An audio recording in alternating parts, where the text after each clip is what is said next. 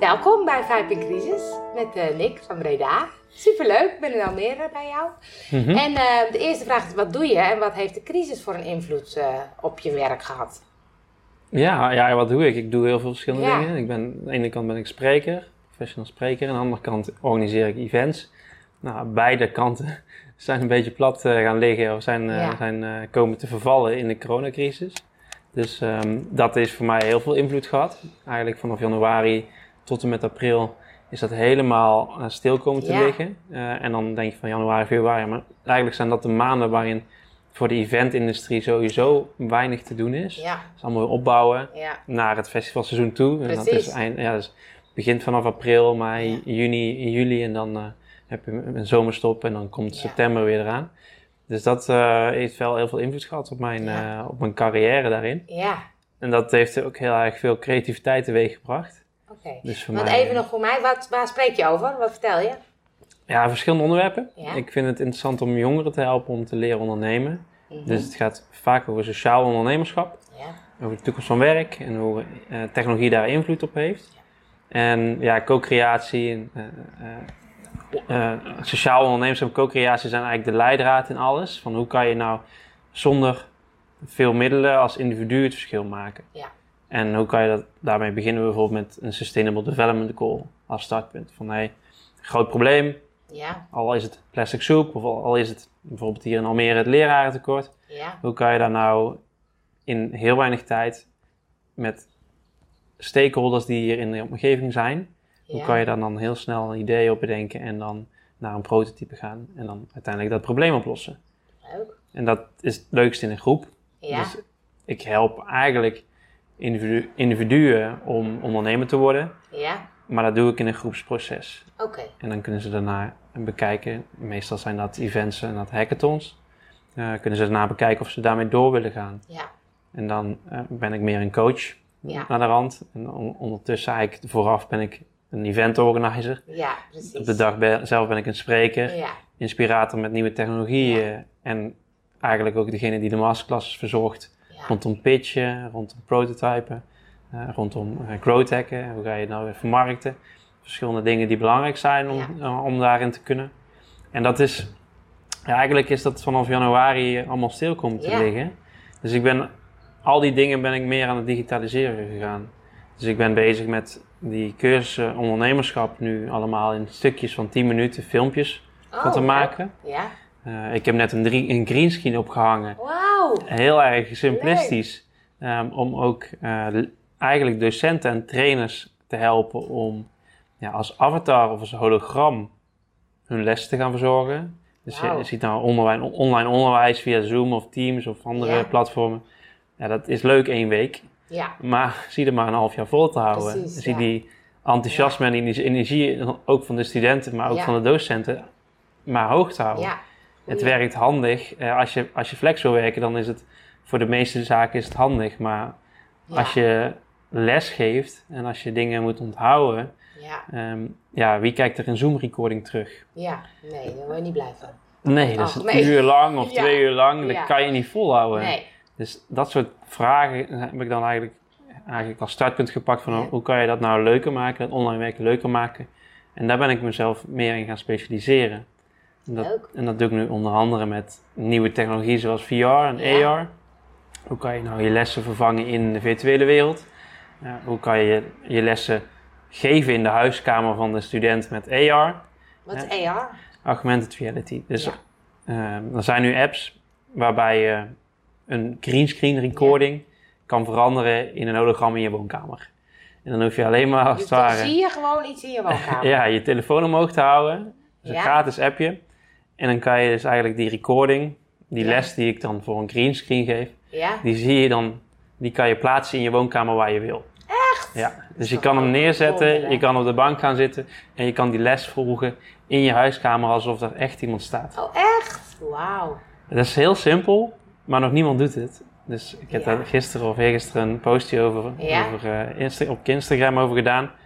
En er zijn heel veel mensen die nu bezig zijn met sterk techniekonderwijs. Ja, En het gaat een stukje over technologie. ja, precies. Dus die zeiden van ja, ik moet alles weten hierover. Ja, ja, Dus ja. mensen die daar heel ja, projectleider zijn in sterk techniekonderwijs, die heel erg veel middelbaar onderwijs helpen. Ja, Daar ga ik dan volgende week mee zitten.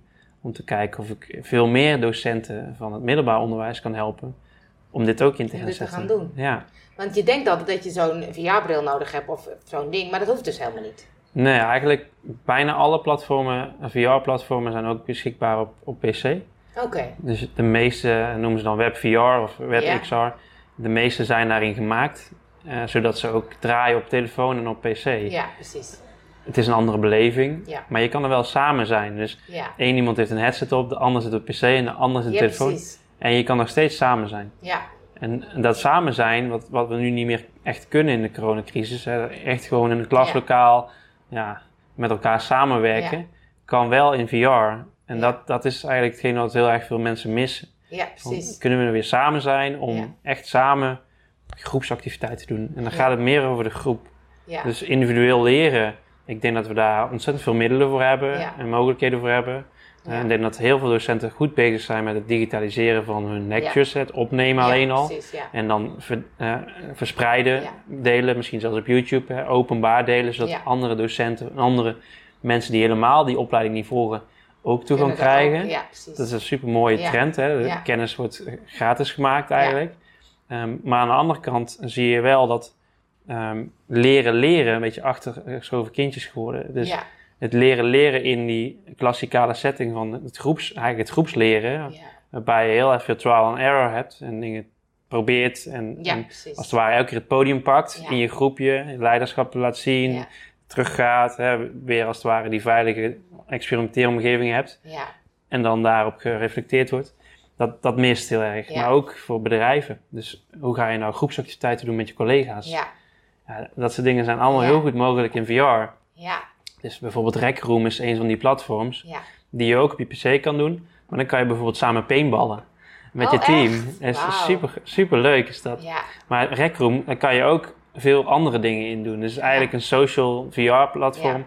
Waarbij je dus ook eh, een high five kan geven of een handje kan geven. En dan Daar vrienden wordt met een vreemde. Daar mag je wel knuffelen. Ja, daar mag het wel. En, en het, het is zo'n speels platform. Ja, precies. Ehm, ja, dat, dat denk ik de brug nog best wel ver weg ligt voor serieuze bedrijven. Ja, precies, ja. Ehm, dus er zijn heel veel platformen nu in de maak die, net zoals eigenlijk wat Apple deed, van het, het boek vertalen naar een online e-book als het Ja. ware, hè, dezelfde manier je bladzijden omslaan, Ja, die als het ware de echte omgeving nu aan het vertalen zijn naar Ja, een virtuele omgeving. ja, ja. En dat het super realistisch is. Dus dat je een scan maakt van bijvoorbeeld deze ruimte hier.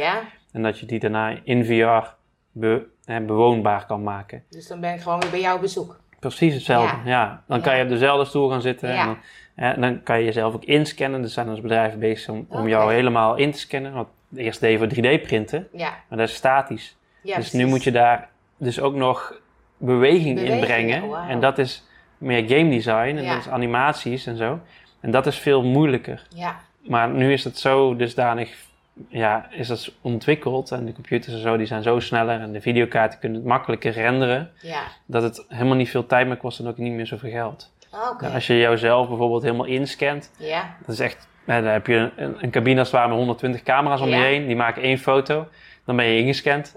Ehm, maar vervolgens moet je daar als het ware ledematen in tekenen. Van hé, daar zit Oh, de ja. arm en die moet zo kunnen bewegen Oh zodat als jij met een headset op en de controllers in je hand, ook die avatar van jezelf ja. op precies de goede manier kan bewegen.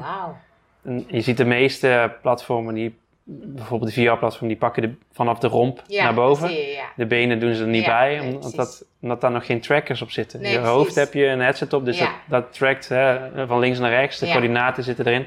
En je handen. ja.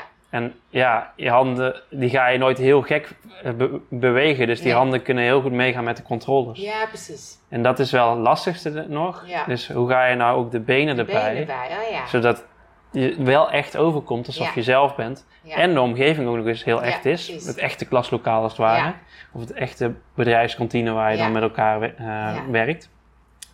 En dat is, dat is eigenlijk de volgende stap. Ja, En daar zijn we nu ook mee bezig. Om op Burning Man, wat Ja. ook fysiek niet doorgaat.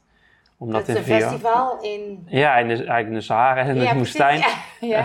En daar, ehm, daar komen heel erg veel creatieve mensen op af elk Ja. jaar. En die reizen dan af en dan moeten ze volgens mij 200 liter water meenemen. Oh, want het is echt, eh, ja, het is echt overleven. Het is echt een heel, hele ervaring. Alleen al aan het avontuur wat je Ja. aangaat. Maar dat is in het midden van de woestijn. Er zitten dan mega veel carnavalswagens komen er als het ware bij. Echt, ja. Mensen nemen daar alles mee. Ja. En die, ehm, ja, dat festival kan nu natuurlijk niet doorgaan. Nee, precies. Dus ze zijn, eh, of, er zijn, ze zijn, hebben eigenlijk een soort van tender uitgezet. Met, eh, een bedrijf heet Metaburn. Die Ja. zet een tender uit en die zegt tegen alle VR-makers... Ja. zeggen ze van, nou, help mee om deze ervaring in VR te brengen. En dan zitten nu meer dan tien platformen eh, die daar kaart aan het werk zijn. Ja. eh, om dat te gaan realiseren. Ja. En ik heb nou aansluiting gevonden bij een van die platformen. Leuk. Om de scans van iemand die ik ken uit Rotterdam... Ja. Die, die maakt eigenlijk gewoon echte 3D-scans van echte omgevingen. Ja. Om die in die VR-omgeving, in die Burning Man-omgeving neer te zetten. Nou, Ja. We zijn dus bezig met, nu met de onderzeebootloods uit Rotterdam. om die in de Sahara te zetten. En daar een DJ in te laten draaien. Oh, gaaf zeg. Zodat je daar, als je dan inlogt, dat je daarin loopt. En dat je dan een super vette oude fabriek hebt. Hè, de onderzeebootloods. Waar je dan je dansfeestje kan houden. Ja, ja, ja, ja. Dus dat zijn dingen die we nou testen. Ja. En, en dat, als dat, dat proces versoepeld wordt, dus je hebt een 360 graden camera, je schiet een foto, je uploadt het en je kan het beweegbaar als ware, je kan er Ja. met je avatar in bewegen. Dat is de fase die nou gaat komen. Dit, Ja. dit jaar aan het, al die VR-platformen aan het realiseren zijn. Ja, ja, ja. Ze zijn er al die dat al doen, bijvoorbeeld met een 360 foto, ja. maar dat is meestal een fish eye, dat is, dat is net niet helemaal eh, recht. Het is allemaal heel erg uitgerekt en zo.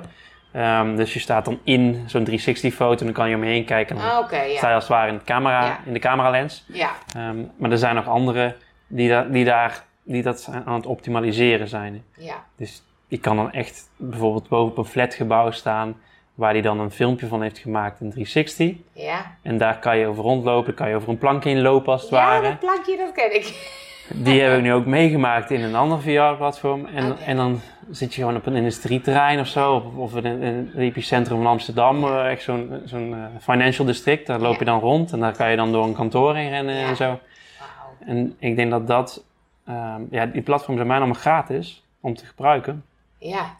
Dat, ja, dat dat echt een... eh, Ja. nu echt de tijd wordt om dat Ja. te gaan inzetten. Want als je toch al die dingen mist van, Ja. van de echte fysieke eh, omgeving, van die groepsomgeving eigenlijk, dan kan je dat nu al vervangen door VR. Ja. En, dat, dat is denk ik de mega, ja, mega grote inhaalslag die VR nu aan het maken is. Die headsets bijna mij niet te koop. De Oculus Quest bijvoorbeeld, die zijn altijd uitverkocht. Ja, ja, ja. Continu. Dus bij Coolblue, ik heb hem in Groningen moeten ophalen. Oh, echt? Maar ik heb echt vier weken echt moeten azen op dat ding. Dus continu moeten reserveren. Ja, en dan konden ze niet thuis bezorgen, Nee. onder andere bijvoorbeeld. Oh ja? Je moest hem echt ophalen. en ik had hem dan, eigenlijk had ik hem gereserveerd in, in, eh, in Tilburg en in Groningen. En toen hadden ze die in Tilburg al gecanceld. Toen zei nee, eh, één klant mag maar één headset. Oh, dus ja. zo, zo, zoveel mensen azen nu op die headset. ja. En Ja. ja. ja, ik denk dat er met PlayStation VR is bijvoorbeeld vorig jaar 4,2 miljoen eh PlayStation VR's verkocht. Ik denk dit jaar drie keer zoveel. Ja, precies. Ik denk dat ze op 12 miljoen al zitten. Zo.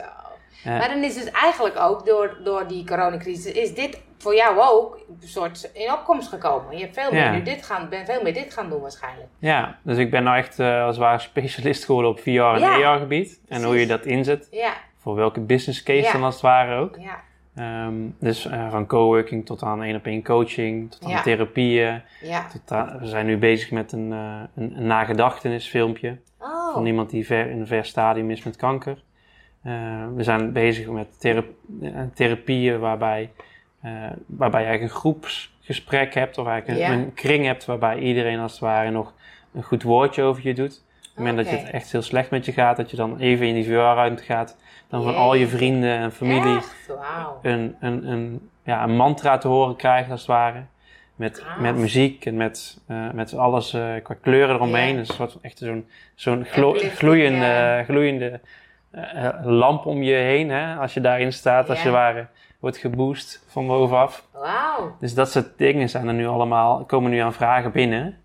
En dat zijn hele waardevolle dingen. Niet alleen voor die patiënt, Ja. ehm, maar voor heel Voor erg veel veel mensen, mensen. ja. Ook voor mensen die nu bijvoorbeeld getroffen worden door corona. Precies, ja. Dat ze nog, ja, eigenlijk fijnste is dat vooraf. Hè, Ja. Dag in het leven van. eh. Een wandeltocht met een 360 camera als het ware.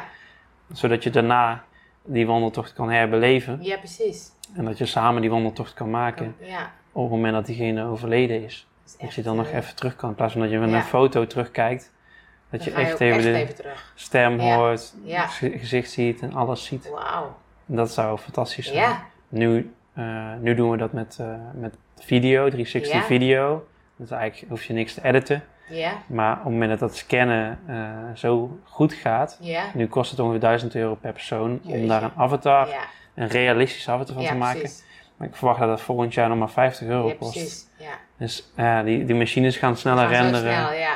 Eh, die, die, scan, die scanners, ja, die Ja. camera's worden steeds goedkoper. Ja, Ehm, en die, ja, die mensen die daarmee bezig zijn, die dat nu aan het experimenteren, aan het, aan het piloten zijn, die hebben gewoon een hoge investeringskosten gehad om alles aan te schaffen. Dus die moeten dat terugverdienen. Ja, Op het moment dat ze schaal, hè, schaalbaarheid hebben opgebouwd, dan kan het omlaag. kan het flink omlaag. Ja, En dan, ehm, dan denk ik dat het, eh, ja, dat als jij zegt van ik ben ziek, dat je docent uiteindelijk zegt van nou, ehm, kom maar mee in de VR-wereld. ja.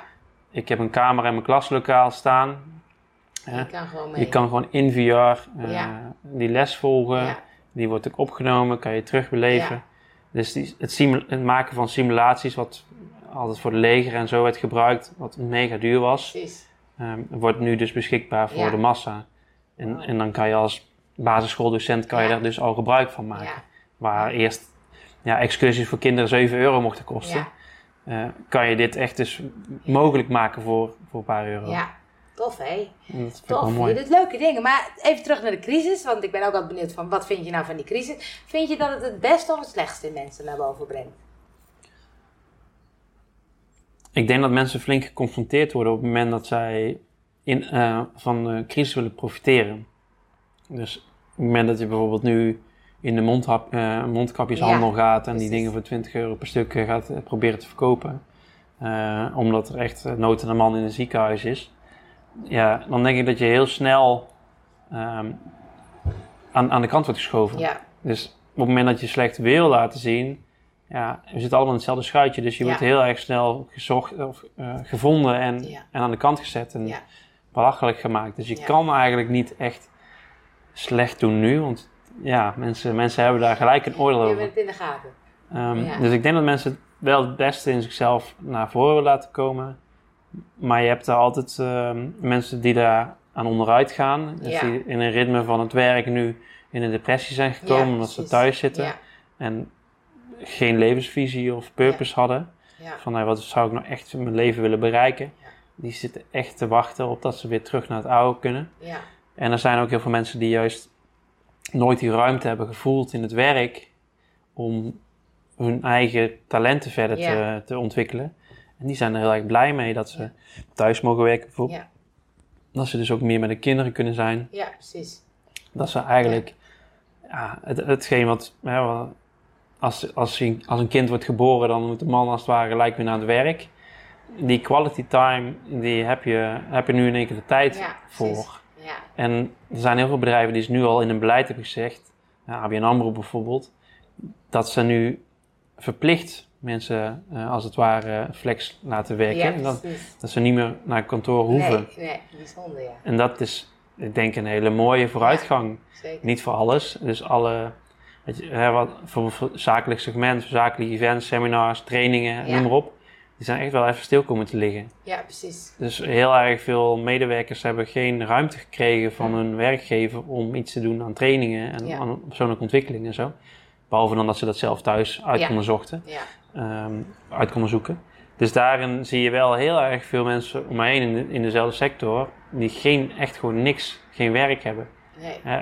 Digitaal een groepstraining geven is veel Dat lastiger. is moeilijk, ja. En met om hetzelfde effect te bereiken dan. Ga even naar een, eh, als het ware, een retraitekamp Ja, en geef daar een yogales of zo. ja. Dat, dat komt veel dieper Ja. binnen. ja, Ehm, en dat, ja, dat, dat is echt een ervaring waar Ja. mensen iets voor willen betalen. Ja. Als je een online livestream opzet met mega grote artiesten, Martin Garrix of zo, ehm, dan is het nog maar de vraag of mensen daarvoor willen ja, betalen. precies. Ja, klopt. Ja, Dus er zijn heel erg veel zakelijke events die ten behoeve hadden om mensen persoonlijk te ontwikkelen Ja. En een hele mooie ervaring er tegelijkertijd Ja. mee te geven, die zijn weg komen te, Ja. komen te vallen. Dus heel veel sprekers Ja. hebben geen werk. Nee, precies. Echte innovatiemanagers zitten stil. Terwijl je eigenlijk zou, denken van nou, in crisistijd ontstaat er innovatie. Ja, precies. Maar dan is het ook wel van ja, maar, maar wie gaat ervoor betalen voor die innovatie? Dus er ontstaat heel veel innovatie, Ja. heel veel nieuwe dingen. Alleen eigenlijk wil, ja, vindt iedereen het maatschappelijk onverantwoord om daar dan nog ook geld voor te vragen. Ja, precies. Ja, in deze tijd. Want het moet er, het moet er komen. Die dingen moeten er zijn. Um, maar daar geld voor vragen, eh, dat, kunnen bij- dat kan bijna Nee. niemand. Nee. En, eh, ja, en, en ze zeggen ook allemaal eigenlijk van ja, het is de experience die we geven, die kunnen we nooit op hetzelfde niveau krijgen als de fysieke experience. Ja, precies. Dus dat Nou, nou worden wij, en nou zijn wij aan het, aan het challengen om daar, een ja, om daar wel wel een... eh, een, ja. een betere Ja.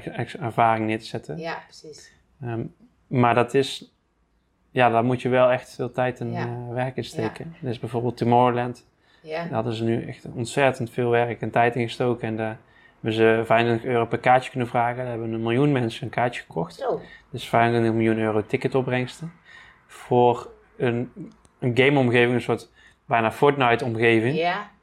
Waar je dan een ticket, als je, als je een ticket had, kon je dan de, vliegen door die omgeving. En dat was 16 kilometer groot. Ja. Met duizenden bomen die ze dus hadden getekend.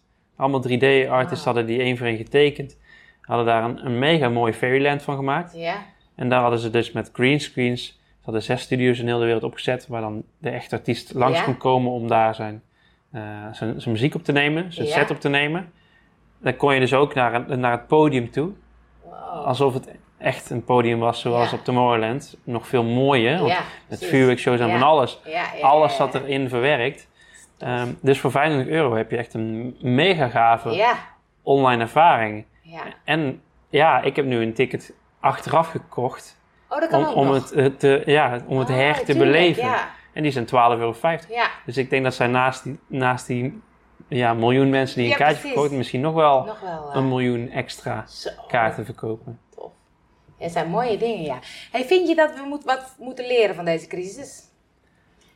Sowieso. Ja, ik denk dat je het sowieso, en het is een mooi momentum om iets te gaan doen. Ja. Dus ehm, als je iets maatschappelijks altijd al wilde doen, als Ja. je zegt van ja, ik had daar nooit in mijn werk, in mijn, in mijn automatische piloot tijd voor, Precies, ja. dan kan je daar nu wel iets doen. Ondanks veel maatschappelijke dingen ook eh, anderen helpen zijn. En daarin moet je als het ware de, eh, de- ja, daar moet je wel mee oppassen. hè. Ja. Als je nou ouderen wil gaan helpen, ja, dan, dan weet je niet direct hoe. Nee, dan moet je eerst ja. goed nadenken over hoe kan ik ouderen Ja, bijvoorbeeld met boodschappen helpen zonder dat ik degene ziek maak. precies. Dat soort dingetjes. Het, zijn, het is wel eh, complexer geworden. ja, Ehm, maar mensen hebben de tijd daarvoor nu. ja, Dus ik denk dat er heel erg veel mooie dingen eh, Ja. zijn die ontstaan. ja. En ehm, ik zou heel, veel, ja, heel graag eigenlijk eh, mensen willen enthousiasmeren om daar iets mee te doen. Te doen, ja. Want nu kan het nog. Kan en, het, ja. en ja, de nieuwe normaal, of hoe, hoe we het gaan noemen. Ehm, ja, ik weet niet wanneer, eh, wanneer de corona gevallen weer afzwakt en Ja, uiteindelijk precies. weg blijft, hoop Ja. ik. Maar dat is, ehm, ja, als je nu niet meegaat hierin, dan, ja, als, als deze virtual reality dingetjes als het ware maar bij 5% van de bevolking Mhm. terechtkomt, dan, dan kan het best weer zo zijn dat we over een jaar weer in dezelfde oude klassikale setting ja, zitten. precies, ja. Dus En er moet dat- wel iets gebeuren. Ja, en dat we Ja. dus eh, weinig geleerd hebben Ja, ehm, van, van de best practices die we nu wel Ja. hebben. ja. Maar gelukkig zeggen ze van nou, als je 50 dagen een andere manier van Ja, werken aanleert. Dan wil je niet meer terug naar het Ja. oude. Ja, Dus wat we voor- moeten zorgen is dat in alle sectoren mensen een 50 dagen beter alternatief ja, te proberen krijgen. precies. En, dat en als dat gratis is, maakt niet uit. Hè? Microsoft Teams is ook gratis voor het hele onderwijs. precies, ja. Surfnet heeft echt een mega goede deal gesloten met Microsoft. Oké. Om dat de komende vijf jaar of zo hè, gewoon gratis te maken voor het hele onderwijs. Ja? Ja. En het, het, ja, het is Ja. zo Slack, het werkt gewoon Ja. eh, heel soepel. Het Ja. is eigenlijk, ja, mensen die nog in een papier, papieren agenda werkten, die zijn nu allemaal op Teams een gedeelde agenda aan het bijhouden. Ja, Gedeelde bestanden aan het Ja. delen. Hè? Als het ware lesmateriaal aan het uitwisselen met elkaar. precies, ja. Daar ontstaat heel veel. Ja, We zien het niet Ja. altijd. ja. Maar voor de docenten onderling zijn op een hele andere manier Ja. op afstand met elkaar aan het samenwerken. ja. Waarschijnlijk veel meer aan het samenwerken dan dat zij in een fysiek klaslokaal ja deden. waarschijnlijk wel, ja. Behalve dan de, de social talk die ze, die ze toen in de kantine met elkaar Ja, hadden. precies, ja. Die zullen ze wel missen. Ja. ja. hey, wat leer jij van deze crisis? Nou, ik denk dat je, ehm, ik denk dat je heel goed leert hoe je, ehm, hoe je met weinig middelen toch veel impact kan maken. Ja, Dus hoe je in je eigen, je eigen woning, zonder Ja. naar buiten te gaan, toch iets voor anderen kan doen. ja precies. Wat, wat eerst in de auto stappen, naar Ja. een plek toe gaan was en daar on the spot proberen mensen te helpen was, Ja, eh, gebeurt nu bijna helemaal volledig digitaal. precies, ja. Dus wat ik Ja. geleerd heb is dat het taboe van videobellen in de huiskamer als het ja, ware ja, jouw, ja, jouw huiskamer blootgeven, ja. dat het verdwenen is. Dat, Ja, dat mensen dat zelfs veel liever willen dan fysiek Ja, afspreken. Precies, ja. En ehm, ja, het sales doen, hè, het, het, het echt het werven van opdrachten, waar je eerst eigenlijk een hand voor schudden, hè, Ja, dat is nog steeds wel heel lastig. ja, Dus ja. je krijgt zo'n informele gesprekken met elkaar, Ja. doordat je de huiskamer als het ware Ja, blootgeeft, precies. dat, dat je eigenlijk eerder een vriendschap opbouwt, Ja, dan dat je een zakelijke Ja, ja. relatie opbouwt. Behalve als mensen in een red race zitten, van hey, het moet nu het echt moet nu gebeuren, ja. Ja, dus ik, er zijn mensen die ik train, sommigen zitten echt in de red race van, nou, Ja. ik moet nu inkomsten Ja. gaan halen, anders ben, ga ik echt failliet als bedrijf. Ja, Ehm anderen, ja, anderen hebben daar iets minder last van, want die zitten gewoon eh, in, bijvoorbeeld eh, als je docent bent en je krijgt gewoon netjes een maandsalaris ja, eh, en je, je, je wordt geacht om online te werken, daar zie je nog niet zo snel de urgentie. nee, precies. Die hebben Ja. genoeg aan een, eigenlijk genoeg aan hun hoofd. Ja, Uh, misschien, misschien als ze het echt goed hebben ingericht, hebben ze misschien maar de helft van de werkdruk die ze hadden. Ja. Omdat ze dus niet van, van lokaal naar lokaal hoeven te rennen, precies, daar de spullen klaar hoeven ja, zetten. ja, ja, ja. Als zij twee camera's pakken en de ene als het ware op de deur met de whiteboard Ja, eh, mikken en de andere in, in Zoom eh, eh, Op zichzelf. de instructie geven daarnaast. Met, met studenten gaan, eh, gaan, gaan brainstormen of de Ja. lessen, de natuurlijke scheikunde geven op die whiteboard. Ja, Ja, daar hoef je maar één keer op te zetten. ja, precies. Dus ik denk dat daar eh, heel erg veel tijdwinst gehaald Ja. wordt en heel erg veel productiviteitswinst voor een docent. Ja, Maar of de studenten daar sneller door leren, dat denk ik niet. dat is de vraag. Ja. Ja. Ja. Hey, en ehm, ga jij zelf iets anders doen na de crisis? Dus je denkt, nou, ik heb nu ontdekt dat het thuis of in die auto stappen zo vaak. Of eh, zijn er dingen die je anders gaat doen? Sowieso ga ik minder fysiek afspreken. Ja. ja. Ja. En ik denk begin meer, omdat je dan dat alles hebt gemist. Dus je gaat, va- je gaat wat meer langs bij, bij mensen die je eigenlijk online alleen sprak. Ja, Dus die wil je toch een keer fysiek ja zien. precies. Ehm, maar bij de mensen die je fysiek mee samenwerkte altijd, ga je meer digitaal doen. Ja, Dus ik zie ja, daar een- Oh, verschil in. Bijvoorbeeld, ehm, het was heel normaal om online te gamen, maar nu doe ik liefst een bordspel. Oh, echt waar? Dat soort dingetjes, Ja, hè, of een puzzel maken zo. Ja. Ehm, dus omdat we de hele dag digitaal nu zijn, al digitaal, ja. wil je naar offline. Ja, snap. En dat was eerst andersom. Ja, precies. Eerst dachten we van, ja, waarom is het nog steeds een taboe op videobellen? Waarom moeten we nog fysiek Ja, afspreken? precies. was heel erg veel offline. Ja, En eh, was eigenlijk het administratieve gedeelte online. ja, Dus de saaie dingen waren online. Nu heb je de leuke dingen online en, en mis je de, de, eh, ja, de hele, eigenlijk de hele menselijke dingen eh, mis je naar offline. Ja. En je gaat uiteindelijk ook veel anders met elkaar. Je, je ziet veel meer van elkaars werk. Van Ja. je partner bijvoorbeeld. ja. Ja, je gaat ook waar, anders ja. met elkaar om. Ja. Dus ik denk dat je daar meer steun hebt aan elkaar nu. Dat je veel, veel meer hoort van elkaars werk en wat je kan, kan doen. Ja. Dus ik denk dat dat sowieso voor mij, eh, voor mij gaat veranderen. Ik ga minder, minder rijden Ja, en minder auto rijden. Ik, ik ga, ja, dus de uitstapjes die we nu doen, zijn vaak naar familie of naar eh, dichte vrienden. ja, Ehm, en die wonen best wel ver weg. Ja. Dus qua kilometers, ik denk dat ik de helft of zo nu Ja. aan kilometers heb afgelegd dit jaar ten opzichte van vorig jaar. Ja. En helemaal niet gevlogen. Dus Nee, precies. en normaal vlieg ik al drie of vier keer in het jaar Ja, ja, ja. ergens om internationaal te werken. Eh, wat nu ook digitaal via Zoom moet gebeuren. Ja. Ja, het is, Ja. het is, ehm, het, is wel oké, maar het is niet die. Ja, als je op, ik, ik vind het fantastisch om op zakenreis te gaan. Ja, precies. Want die hele ervaring van een Ja. nieuw land leren kennen, een nieuwe cultuur leren kennen en zo. Een nieuwe cultuur leren kennen, digitaal. Ja, op Facebook heb ik al veel vrienden uit andere landen. Ja. Maar die cultuur leren kennen moet je toch eigenlijk wel daar aanwezig zijn. Ja, ja, ja. Dus ik hoop dat er wel, ehm, Weer even terugkomt. ik hoop dat er wel weer mogelijkheden komen. En, en we zijn nog tijden bezig met hyperloops en dat soort dingen te ontwikkelen. Maar nu hoop ik dat daar een klap op wordt gegeven Ja.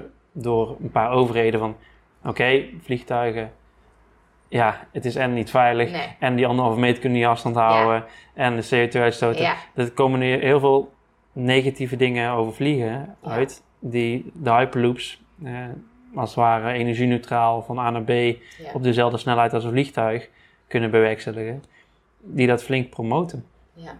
Dus je ziet nu al investeringen in Hyperloop Delft bijvoorbeeld. Leg het ons uit, de Hyperloop, wat is het precies? Een Hyperloop is, een, ehm, is eigenlijk een, een afgesloten cabine, een afgesloten tube, Ja? een, eh, een soort van koker, Ja? waar je dan met een magnetisch veld eh, zweef je boven het spoor. Het spoor is dus een magneet. Oh. Jouw, ja, eigenlijk jouw, eh, hoe noem je het van een trein? Jouw, is dat, eh, hoe heet dat? Eh, Cabine, ja, eh, eh, Hoe heet het nou? ik kan er ook niet komen. Nou, we snappen Nou ja, wat je bedoelt. Waar je, in waar je zit, ja. dat zweeft dus over die magneten heen. En dat is, eigenlijk wordt het alleen maar aan het begin en aan het einde. Aan het begin wordt het aan, aangezwengeld, Ja, zoals een wasmachine met een speel Ja. dat doet. Wordt aangezwengeld. Daarna is het passief. Ja, Dus het hoeft alleen maar aan te staan. De magneet hoeft alleen maar aan te staan. Er hoeft geen energie meer doorheen. Hij blijft op dezelfde snelheid vooruit vliegen. wow. Dus je gaat echt 1200 km per uur. En ehm, omdat er geen luchtweerstand in die buis is. Hè? Want dat is het. Hè? Op Ja. de weg heb je allemaal luchtweerstand. dat, dat remt ontzettend veel af. Ja. Dat kost ontzettend veel energie om daar tegenin gas te geven als het ware. Maar in een buizenconstructie die vacuüm wordt gezogen. Dus die hele buis is vacuüm. Er zit geen luchtweerstand in. oké. in. In de cabine heb je net zoals in een vliegtuig of in een ruimteschip gewoon zuurstof. Ja, Ehm, maar je hebt geen weerstand meer. ja, Dus dan kom je, ja, een 1200 km per uur kom je van Amsterdam in Parijs in een half uurtje. jeetje. En dan word je afgeremd, nog, ja, op dit moment nog met de onderstellen van een vliegtuig. Oh ja, Dus die gaan dan, die, gaan, die klappen dan uit en die remmen als het ware met die banden, klemmen en klemmen die, remmen, remmen die die af. En omdat die dingen 40.000 keer meegaan of zo, hè, 40.000 ritten meegaan, Ja. dan is een band nog goedkoper dan Oh, proberen af ja. te remmen met magnetische, elektronische velden als het ware. Ja, Ehm, want je moet heel snel afremmen. ja, precies. Als je 1200 km per uur gaat, duurt, ja, wat, wat, omdat die G-forces zo snel kunnen gaan, je kan opstijgen als een raket als het ware. Als je ge- 7, 8 G-forces krijgt, hè, 7, 8 keer het gewicht van jezelf op je krijgt gedrukt, dat, dat gaat niet de normale mens heel goed pakken. Nee, precies. Daar moet je heel erg veel training voor hebben. Dus die G-forces moeten tussen de 0,7 en de 2 zitten of zo. Ja, Hetzelfde eigenlijk bij het opstijgen van het vliegtuig. Diezelfde G-force moet bij het, ehm, het gas geven als het ware van die, van die hyperloop zitten. Zodat Ja. jij niet ziek wordt. ja, Zodat jij eigenlijk alleen maar bij het optrekken, dus na 5 kilometer, zit je op 1200 km per uur. Zo. Dus het duurt 5 kilometer voordat hij op 1200 km per uur zit. Zodat jij niet ziek wordt. Oké. En dat is eigenlijk de tijdverlies. Ja, Want de rest gaat ja, ja, 1200 de rest keer per uur. En omdat je de hele, dezelfde snelheid houdt, voelt het alsof je in de lucht zit in het vliegtuig als het Ja. ware. Je voelt het niet eens meer. Nee. En dan zit ja, veel minder, eh, eh, heb je last van de, de lucht, Ja, luchtdruk en het spoor. Ja. Wat je dan bij een trein heel erg voelt, is nog steeds die trillingen en allemaal. Voel je ook niet. Voel je helemaal niks meer van. Maar gaan wij dit nog meemaken? Ik denk dat het over twee jaar, Echt? Dat we al een testje kunnen maken in, eh, in, Wauw. in, eh, in Dubai, in Abu Dhabi. Daar hebben ze, daar zijn ze nu met 30 kilometer track bezig. Tussen de ene en de andere Ja. eh, stadje. Daar zijn ze nu mee bezig om dat te realiseren. Zodat je ook daar testjes kan gaan doen en zo. Ja. En Delft Hyperloop heeft nu een drie kilometer track. Die zijn ze in Groningen aan het aanleggen. Oh, oké. Ja, daar is dus nu, wat was het, 15 miljoen of zo investering in, in gestoken. Om daar samen met volgens mij ProRail en iedereen Ja. eigenlijk die in het spoorwezen zit. eh, maar ook het Rijkswaterstaat en dat soort dingen. Die zijn allemaal aan het samenwerken om te kijken of we een Nederlandse, Nederlands bedrijfje van Hyperloop kunnen, groot kunnen maken Ja. in Europa. tof. En dan is het, ja, als het ware Brussel die, eh, die zegt van nou, we gaan één standaard aanhouden. Hè, we gaan een spoor neerleggen, als het ware een tube neerleggen. ja, Die voor de Italianen of de Nederlanders of de Duitsers, die kunnen daar de, ja. de Hyperloops voor, voor ontwikkelen. Nou, die moeten dezelfde aandrijflijn hebben. Ja. Net zoals dezelfde oplaadkabel op je telefoon. Hè? Iedereen wil USB-C nu. Ja, dat zou fijn zijn als dat een keer zover is. ja, precies. Dus die standaarden worden nu gemaakt. Die vragen zijn er vanuit Hyperloop gekomen. Van, alsjeblieft, maak een standaard voor de hele Europese Unie. Zodat we daarop kunnen ontwerpen. ja. In plaats van dat iedereen zijn eigen Precies, modelletje met zijn eigen aandrijflijn creëert. Dan kom je nergens. Nee, Heb je misschien één stap van de stad. Leuk. Maar dan, daar, een Hyperloop is echt wel pas interessant op het moment dat je 200 kilometer plus aflegt. Precies, ja. Daarvoor is het niet interessant. Nee, snap ik, ja. Te veel te duur. Ja, ja. Dus in Nederland alleen is niet interessant. Nee, maar. Nederland naar Barcelona of zo, ja. dat is een hele interessante lijn. Als je in een anderhalf uur eh, van, van, dus van Amsterdam in Barcelona zit, kan je dus daar gaan coworken. Ja, precies, ja. Dan kan je die cultuur mee eh, Ja. krijgen, kan je s'avonds weer thuis zijn op tijd voor het eten. Tof, ja, tof. En dat is die nieuwe realiteit waar ik wel heel graag naartoe ja, ja, ja. Ik wil nog veel meer van je vragen, maar we zijn al eh, ver over de tijd heen. Dus de laatste vraag is, wil je mensen wat meegeven vanuit de crisis van doe dat of let dat? Of hier heb ik heel veel aan gehad. Een leuke tip. En Waar heb je heel veel aan? Ja, een goed koffiezetapparaat in huis halen. Daar heb ik heel veel aan gehad. dus 's ochtends eh, gewoon goede koffie hebben. Eh, ook eh, ja, je, eigen, je eigen werkplekje Ja. zo aangenaam mogelijk inrichten. Ja. Lekker wat groen, zodat je ook echt fijn kan werken thuis. Dus een podcastmicrofoontje, misschien een greenscreen. Eh, maak je omgeving zo creatief mogelijk, zodat je jouw werk op een leukere manier kan doen. ja, Zoek mensen op die, eh, die wat minder spreekt. Eh, Ja. Ga wat meer zorgen voor een ander. ja. Mooi. Eh, ga kijken of je mensen die wat, ehm, ja, wat, wat meer in de, echt wat meer voelen van de coronacrisis kan helpen nu. Ja, Ehm, ja, en respecteer elkaar in, in de wensen. Dat als de Ja. ene geen knuffel of een handje wil, precies. Ja. dat je dat ook respecteert. Ja, en dat, dat we misschien dadelijk allemaal een Chinese groet hebben. Of een Japanse groet. Eh, Misschien hebben ze dat wel bedacht om die Ja. reden. Hè? Eh, ja, Maar ja. ja, het, het, het oogcontact is voor mij het echte belangrijke bij een groeting. Als je een handje geeft en dan honderd man handjes geeft ja. op een, op een je congres, dan, zegt dat, dan maak je geen klik met elkaar. Nee. Dus als je als het ware heel even elkaar in de ogen Even aankijkt is ook zo. en dan eh, ja, echt even aangeeft van eh, hoe gaat het met je, precies. dat je al heel erg veel kan doen voor een ander. En dat is iets kleins, maar ik denk dat het daar begint. Ja, En eh, als er iemand dan ziek is in je- in het gebouw bijvoorbeeld, dat je dan even daar eh, mee helpt met de Ja. boodschappen en dat soort Ja. dingen. Totdat we uiteindelijk ja, weer in het nieuwe normaal zitten, maar Ja. dat het ook een habit is geworden om dat te doen. precies. Ja, Dat iedereen iets maatschappelijks doet in zijn dagelijks leven. En dat ze daarnaast ook ja, mee nadenken over die, die nieuwe wereld en die nieuwe realiteit. En dat ze proberen het eens uit in, eh, in onze events. Ga, Ja, ga eens mee naar eh, de VR-wereld. Leuk. ga Waar Burning moet, het dan, waar Man. moet het dan zijn bij een event? Want je doet ook educators volgens mij. Dus Ja, je kan nou, ik wil dat wel eens proberen. Noem eens een plek waar ze het beste kunnen beginnen. Het beste kan je beginnen denk ik in Mozilla Hubs, omdat je daar geen headset voor nodig Oké. hebt. Dus dan kan je naar hubs.mozilla.com en daar heb je een kopje dat heet Spook. En Spook is zelf VR-werelden bouwen. Ja, Nou, als je dat een dagje doet, dan, dan krijg je echt zo, dan voel je je zo machtig, want je kan Ja. in één keer VR-werelden ontwikkelen waar je dan samen in kan afspreken, waar je samen borrels in kan organiseren en noem maar op. Eh, als je dat eenmaal hebt gedaan, en dat, kan iedereen op zijn telefoon openen, op zijn headset openen, of in zijn, eh, op zijn pc openen, ehm, ja, dan krijg je wat meer feeling met die werelden. Het is niet de beste wereld, hè. het zal al een beetje haperen, je moet een beetje goede internetverbinding hebben. Ehm, maar op het moment dat je dat eenmaal een keer hebt gedaan, misschien voor je eigen Ja, case, hè, van hey, ik ben docent of ik ben HR-manager bij Ja. een bedrijf en ik wil een teambuildingsactiviteit. Nou, begin dan bij bijvoorbeeld bij Marcella Hubs. En op het moment dat het aanslaat, ga dan kijken of je ehm, in je events die je toch al op de agenda had staan, die waarschijnlijk niet doorgaan, of je daar dingen hybride kan, van gaan precies. maken. Ja. Dus eh sprekers zou je prima fysiek in een studio hebben, Ehm, maar je bezoekers kan je niet allemaal fysiek hebben. Nee, precies. Maar dat je wel iedereen de mogelijkheid geeft om het bij te wonen. Ja. Al is dat maar via een livestream. Ja. Of al is dat in een VR-wereld. Ja. Dan dat je je round tables in VR doet bijvoorbeeld. Dat je samen gaat brainstormen en post-its gaat plakken in VR. Ja, leuk. En dat, dat- als je dat eenmaal één keer hebt gedaan, dan denk ik dat je, dat je veel meer mensen kunt gaan bedienen voor veel minder geld. Ja, Dus precies. fysiek events organiseren, voor mij kostte het, om een event voor 10.000 man te organiseren, Ja. kostte dat bijna 2 miljoen euro. Ja. Ehm, maar op dit moment heb ik eh, afgelopen maand met Campus Party Ja. anderhalf miljoen mensen bediend Wauw. voor 0 euro. Digitaal. Tof zeg. Hè, met Ja. Edward Snowden en Al Gore en dat soort sprekers die allemaal iets wilden doen, die allemaal gratis dus eh, iets wilden bijdragen.